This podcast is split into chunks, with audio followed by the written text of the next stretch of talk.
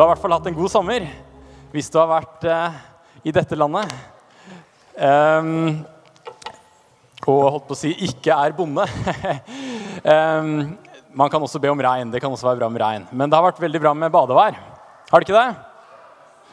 Ehm, og så er det så fint å være her. Se mange flotte, vennlige mennesker. Arnvid og Øydis og søstrene Strand og Davies, vet du. Du får sånne gode smil, og du kjenner at det er godt å være her. Vi er jo ikke her så ofte. Vi er mest i Kolbotn, så det er jo en del her som man ikke ser så ofte. Men eh, for de som ikke kjenner meg, da, så heter jeg John Daniel Andersen. Er gift med Gabriella, som sitter eh, langt bak der. Og så har vi to, to jenter som vokser. For hver dag som går, da ser vi at livet, livet tikker og går når de bare blir større og større for hver dag som går. Målte akkurat at de vokser sånn her eh, åtte centimeter i året. Det hadde vært noe om jeg hadde fortsatt med. Så livet går. Men, eh, og det er fint å være her. Og jeg tenkte på det at det her at vi møter positive mennesker, det er litt godt. Syns du ikke det? Når du møter noen som er litt glade, vennlig innstilt, blir glad for å se deg og sånn, da blir man oppmuntret. Eh, og det er noen mennesker som man blir glad når man treffer, og så er det noen man blir eh, ikke alltid like glad for å treffe. Jeg vet ikke om du har hatt den opplevelsen noen gang.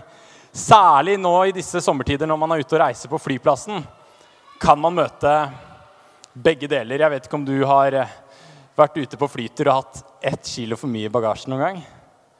Og og du blir pent bedt om å åpne din koffert og ta ut et par sko og legge dem i ryggsekken. Jeg har i hvert fall opplevd det.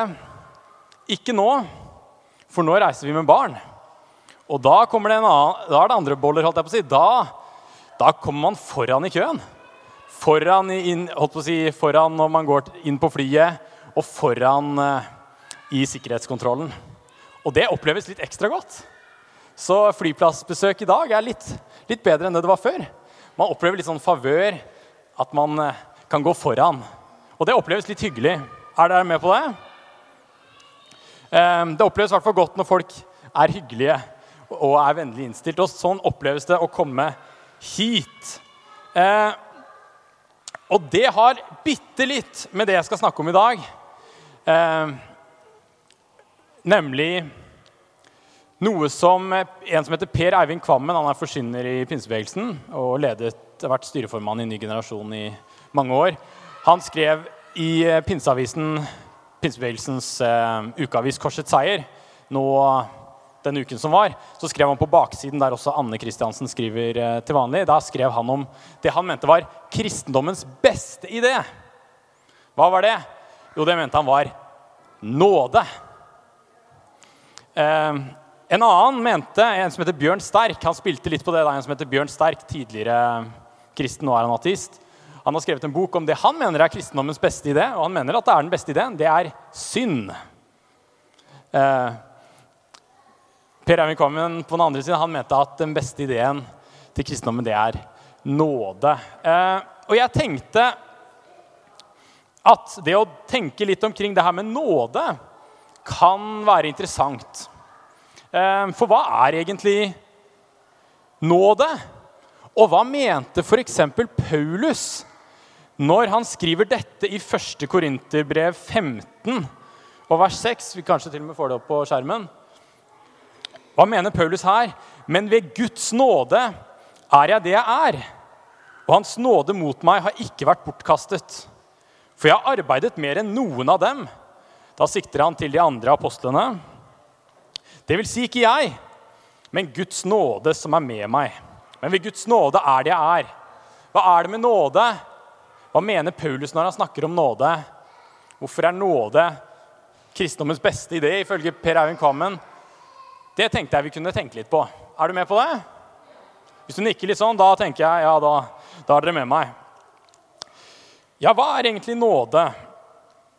Jeg tenkte jeg kunne begynne med å gi noen bibelske eksempler på nåde fra noen andre enn Gud. Kanskje det kan hjelpe oss å se det litt bedre. Eh, og da tenkte jeg på en, eh, noen vers som vi kanskje ikke leser så ofte, men som jeg syns passet akkurat i dag. Og det er i andre kongebok, kapittel 25, og fra vers 27. Andre kongebok, kapittel 25 og vers 27. Da skal vi lese om kong Jojakin, som hadde etterfulgt sin far Jojakim. Nesten samme navn, altså. Hans far hadde underkastet seg kongen i Babylon, men hadde så gjort opprør, og han fulgte i hans fotspor. Eh, og det som skjer med han, er at han blir tatt til fange av kongen i Babel. Og det her er da når judafolket kommer i eksil. Eh, jødene kommer i eksil til Babylon, og det skjer i år 586 før Kristus. Eh,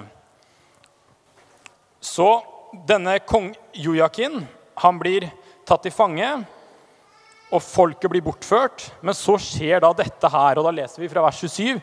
I det 37. året etter at judakongen Jojakin var bortført, den 27. dagen i den 12. måneden i det året han selv ble konge, tok Babelkongen Evil Merodak judakongen Jojakin til nåde og satte ham fri fra fengselet. Han snakket vennlig med ham og ga ham den fremste plassen blant de kongene som var hos ham i Babel. Joakim fikk legge av seg fangedrakten, og siden spiste han alltid ved kongens bord så lenge han levde. Sitt daglige brød fikk han av kongen dag for dag så lenge han levde. Legg merke til ordet her som brukes um, i den norske oversettelsen, at han fikk um, nåde. Og at han fikk legge av seg fangedrakten, og at han ble satt fri fra fengselet. Og at han så fikk maten sin hver dag fra kongens bord. Ehm, dette er et godt eksempel på noen som vises nåde. Noen som vises hva skal man si, medfølelse, gunst, favør. Noen som fikk en ekstra fordel sammenlignet med de andre rundt han. Er dere med på det? Og det her, Den lille historien her, den, den viser jo at kong Joakim fikk nåde. Og det er ikke uten grunn at den er plassert helt sist i andre kongebok. Det er også fordi de som har skrevet kongebøkene, ønsker også å vise Guds trofasthet mot David. Altså at kongen der etterkommer av David, at han Gud er fortsatt trofast. Gud husker fortsatt på løftene til David. Så det er ikke bare nåde hos denne kongen. Det var ikke en helt vilkårlig nåde. Vi skjønner at denne nåden han opplevde, den har sin rot hos Gud. Det var pga. Guds favør, Guds nåde, at denne fikk nåde hos denne kongen. Ehm, et annet eksempel på noen som fikk opplevde nåde, favør, det er jo en kanskje mer kjent historie. Det er jo dronning Ester. Dronning Ester opplever jo litt det tilsvarende, men hun er ikke, er ikke helt i samme situasjon som kong Joakim. Men opplever noe tilsvarende. Og da må vi slå opp i Esters bok, som er bitte litt senere. Eh, og vi kommer til å slå opp i kapittel 5. Jeg tror vi bare leser teksten, og så kan vi eh, En del av dere kjenner jo litt forhistorien, men jeg kan utbrodere den etterpå. Men la oss lese Ester kapittel 5 og vers 1 til vers 5. Her skal Ester tre framfor kongen. Den tredje dagen kledde Ester seg i dronningsskrud og stilte seg i den indre slottsgården midt imot kongens hus. Der inne satt kongen på tronen midt imot inngangen. Da kongen fikk se dronning Ester der hun sto i slottsgården, fikk han godvilje for henne. Han rettet gullsepteret som han hadde i hånden, ut mot henne. Og Esti gikk fram og rørte ved spissen av septeret. Kongen sa til henne, 'Dronning Ester, hva vil du?' 'Er det noe du ønsker?' 'Om det så er halve riket, så skal du få det.' Ester svarte, 'Om kongen finner det for godt, vil jeg gjerne at kongen og Haman i dag skulle komme til festen jeg ville holde for ham.' Kongen sa, 'Hent straks Haman og gjør slik Ester har sagt.' På hvilken måte kan denne historien om Ester fortelle oss noe om nåde? Vel, foranledningen til at hun vil invitere Haman og kongen på fest, er at Haman, som var en leder i pers Perserriket Perserne de tok over etter babylonerne. Eh, og dronning var en Nei, Ester var dronning til den persiske kongen. Eh, så er det sånn at Haman, som har en ledende posisjon i riket, han har overtalt kongen om at de skal utrydde alle jøder. Alle jøder i riket skal utryddes. Så det er en enorm trussel om utryddelse her for det jødiske folk. Da kommer fosterfaren til Ester. Mordekai heter han. Litt av et navn. Mordekai. Han kommer til Ester og spør, eller ber henne om å gå til kongen for å be om nåde for folket. Hva er det Ester svarer da? Jo, Da svarer hun dette her, og det, det her gir oss en større forståelse for hvorfor det var litt risky av Ester å komme til kongen. Hun sier alle kongens tjenere og folk i kongens provinser vet at om noen mann eller kvinne går inn til kongen i den indre slottsgården uten å være innkalt, uten å være invitert, så er det bare én lov som gjelder døden. Bare den som kongen retter gullsepteret sitt mot, får leve. Selv har jeg ikke blitt kalt inn til kongen på 30 dager. Så her gjør dronning Ester noe som er risikabelt. Hun risikerer sitt eget liv. Her er hun avhengig av godvilje hos kongen. Og det er det hun får. Hun får hans godvilje. Hun får nåde. Og vi ser at det ikke bare er at hun får komme inn, men hun får også ønskene sine oppfylt. Ser dere det? Dette er et veldig godt eksempel, tror jeg, på litt hva nåde er når vi snakker om å, han, å finne nåde hos noen.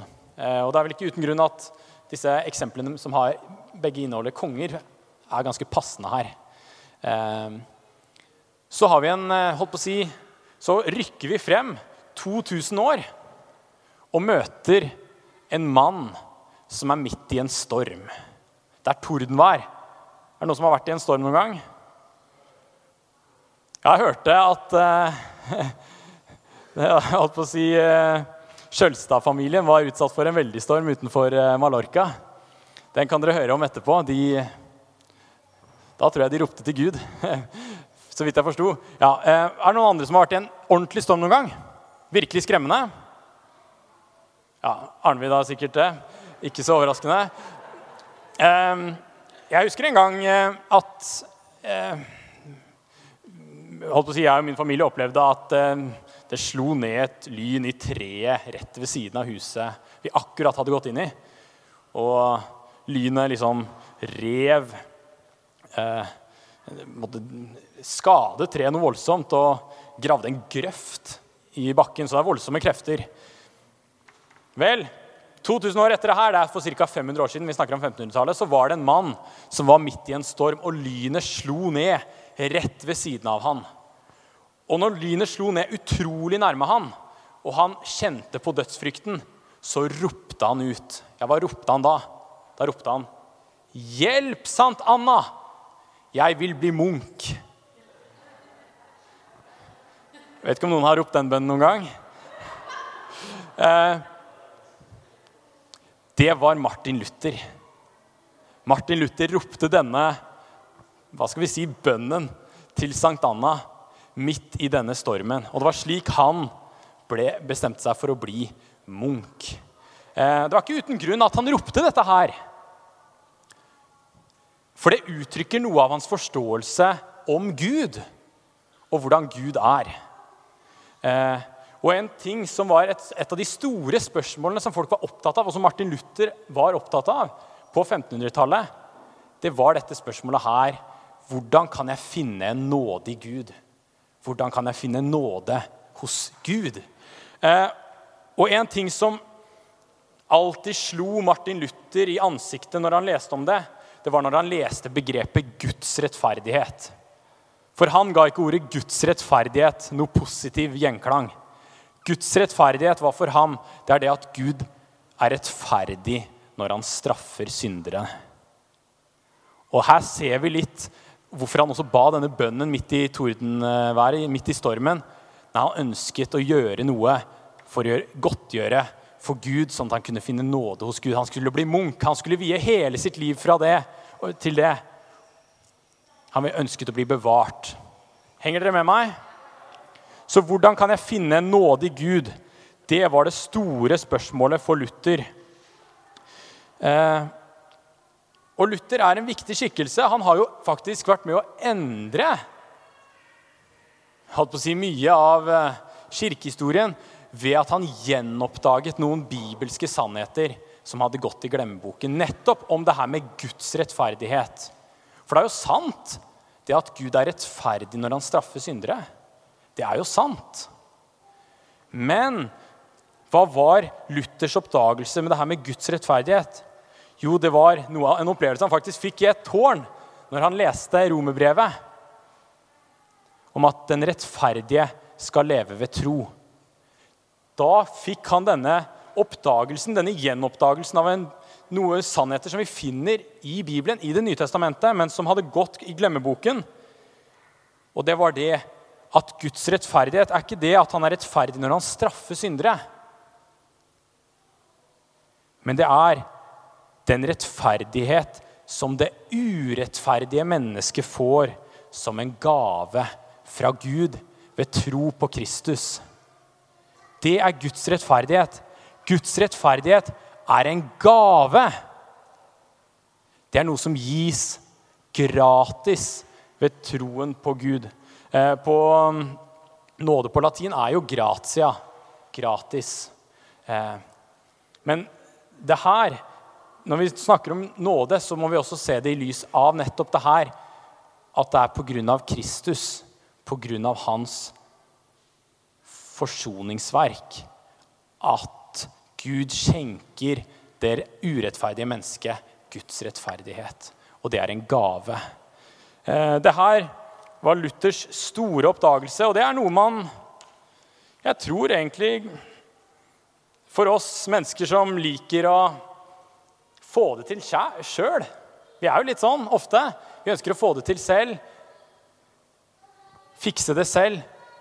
Men budskapet om Guds nåde, om Guds rettferdighet, det er et budskap til de som ikke fikser det selv, om at Gud gir noe gratis. Han gir det som en gave av nåde. Eh, det er rett og slett Og dette er gode nyheter. Dette er gode nyheter på grunn av at Jesus led istedenfor oss. Sånn som det står i Jesaja 53. Vi leser? Han ble såret for våre overtredelser, knust for våre misgjerninger. Straffen lå på ham. Vi fikk fred, og ved hans sår har vi fått legedom. Det at Jesus led istedenfor oss, det er grunnen til at vi kan bli erklært rettferdige. At vi kan få Guds rettferdighet selv om vi er urettferdige. Eh, selv om vi ikke fortjener det. Og det er jo noe nettopp det her med nåde. Det at det er noe ufortjent over det hele. Det er noe ufortjent over det hele. Og Hvis man skal tenke på noen synonymer til nåde, altså noen ord som betyr så å si det samme, så tror jeg ordene favør og goodwill er veldig bra å bruke. Smak litt på det når du, når du leser nåde. Ofte, vi snakker om nåde så mange ganger at vi kanskje ikke tenker over hva, hva ordet er. Men, men hvor du kan bruke, er favør. Litt sånn som Ester og kong Joakim fikk. Eller goodwill. Kongen hadde godvilje for Ester når hun kom til ham. Han ville gi henne det hun ønsket. Han trengte ikke å gjøre det. Det var kongens makt. Han bestemte, men han ville gjøre det. Han ville vise nåde. Og vi kan snakke om nåde, Når vi snakker om nåde, så kan vi snakke om Guds favør, godvilje, som viser seg på ulike områder pga. Jesu objektive forsoning. Og jeg tror at når vi snakker om nåde, så er det noe som alltid skjer. Det er det at takken og prisen, den rettes mot Jesus. Den vendes mot Gud. Når vi snakker om Guds nåde, ting ved Guds nåde, da må med en gang takksigelsen vendes mot Jesus. For det er Jesus vi behøver, sånn som vi sang tidligere i dag. For det er Jesus som er kilden til at vi kan ha nåde, favør osv. Er dere med på det? Og da tenkte jeg jeg hadde Man kan jo si mye mye mer om nåde enn det jeg sier i dag. Men, men jeg tenkte på fire punkter, tenkte jeg egentlig. Korte punkter, underpunkter, om du vil. Om hva, hva måte, hvordan nåden kan vise seg på ulike områder. Og det første punktet, og det er jo kanskje det vi kan si er det aller, aller viktigste, det er det at vi kan komme frem for Gud. Det er nåde at vi kan komme frem for Gud. Og Da må vi lese i Hebreerne 10, 18 og litt utover. Um, Hebreerne 10, 18, som prater litt om det her. At vi kan komme frem for Gud. Hebreerne 10, 18, da fant jeg det også. Men der det er tilgivelse for syndene, trengs det ikke lenger noe offer for synd. Så har vi da søsken frimodighet ved Jesu blod til å gå inn i helligdommen, dit han har innviet oss, dit han har innviet en ny og levende vei for oss gjennom forhenget, som er hans kropp. Jesus har innviet en ny og levende vei for oss gjennom forhenget, som er hans kropp. Vi kan komme frem for Gud. Akkurat som kong Joakim kunne komme frem for kongen. Akkurat som Ester kunne komme frem for eh, kongen. Så kan vi komme frem for kongen. Vi kan komme frem for Gud. Og det er fordi at Jesu blod er utgitt. Ellers står vi jo som syndere. Og det kan ikke stå noen syndere i Guds forsamling. Og det har jo litt med Guds kjærlighet å gjøre. Jeg skal ikke dra fram alt det her, men men Guds kjærlighet er jo ikke likegyldighet. Gud er ikke likegyldig overfor synd. Eh, hvis Gud hadde vært holdt på å si, likegyldig overfor en, en eh, ja, hvis, hvis, han hadde vært likegyldig for eh, synd, pedofili, voldtekt og alt annet som vi mennesker gjør, så hadde han også vært likegyldig overfor den krenkede, f.eks. Er du med på det?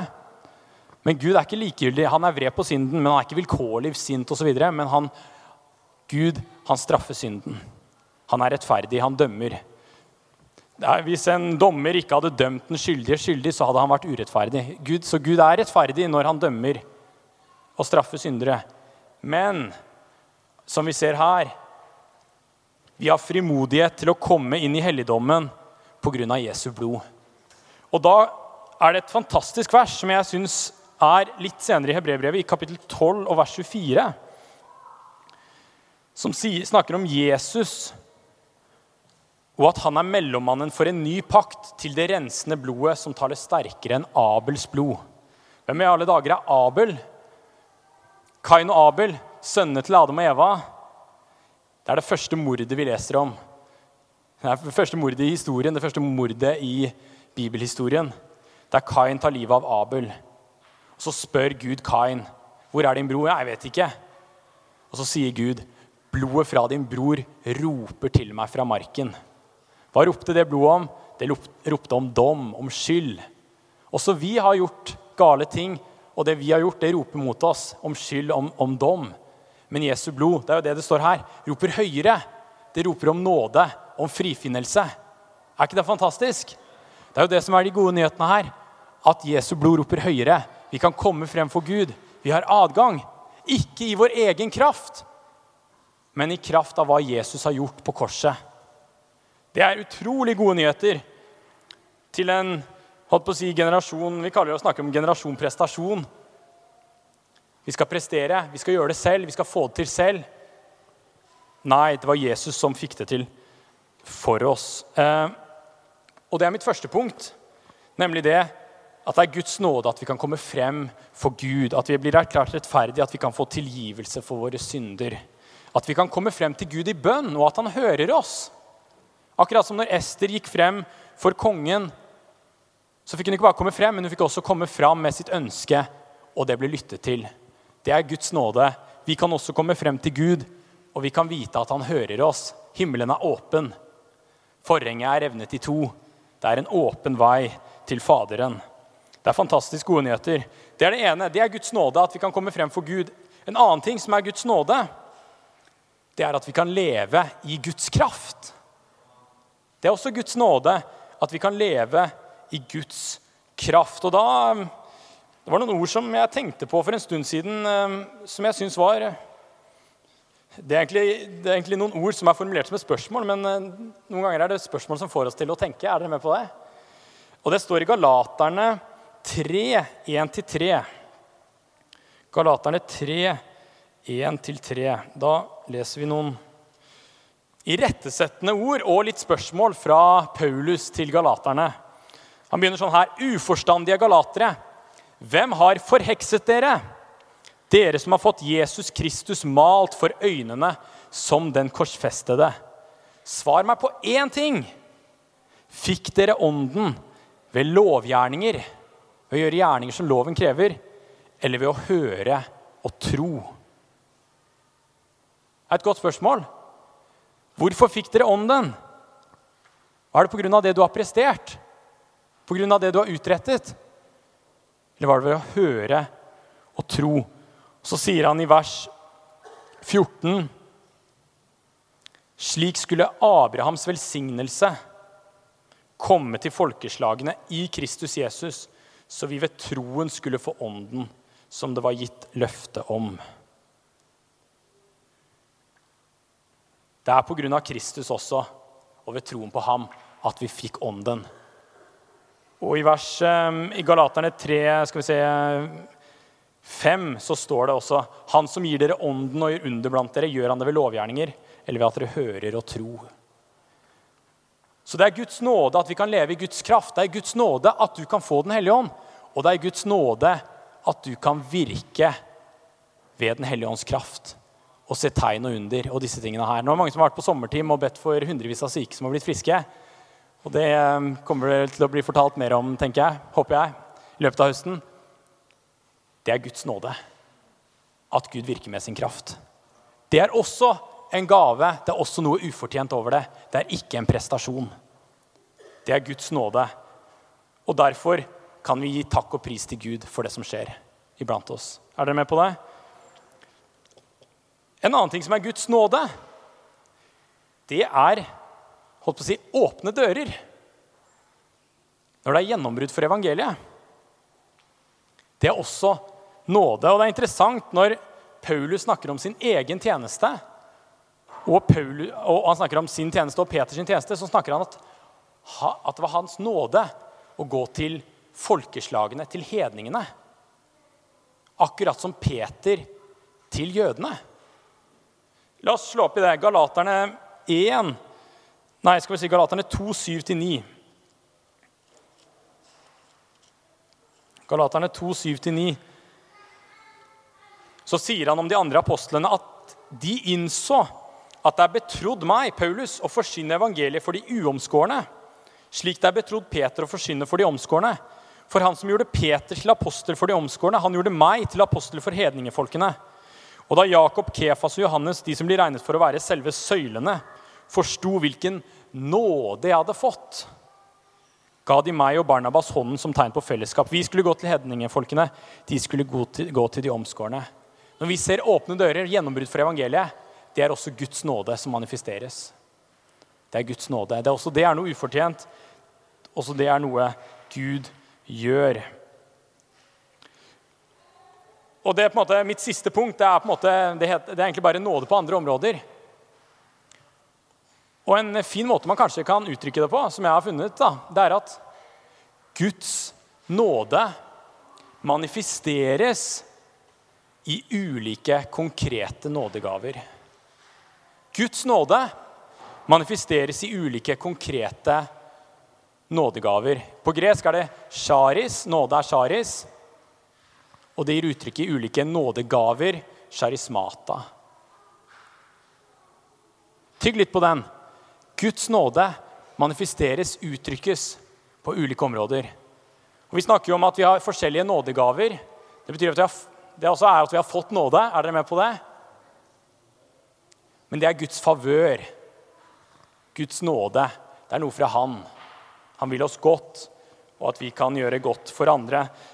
La oss lese Romerne 12, 6-8. Og det her er ikke bare nådegaver, som de tolv som vi ofte snakker om, kraftgavene. Men Romerne 12, 6-8. La oss slå opp i det. Vi kan få nåde på andre områder.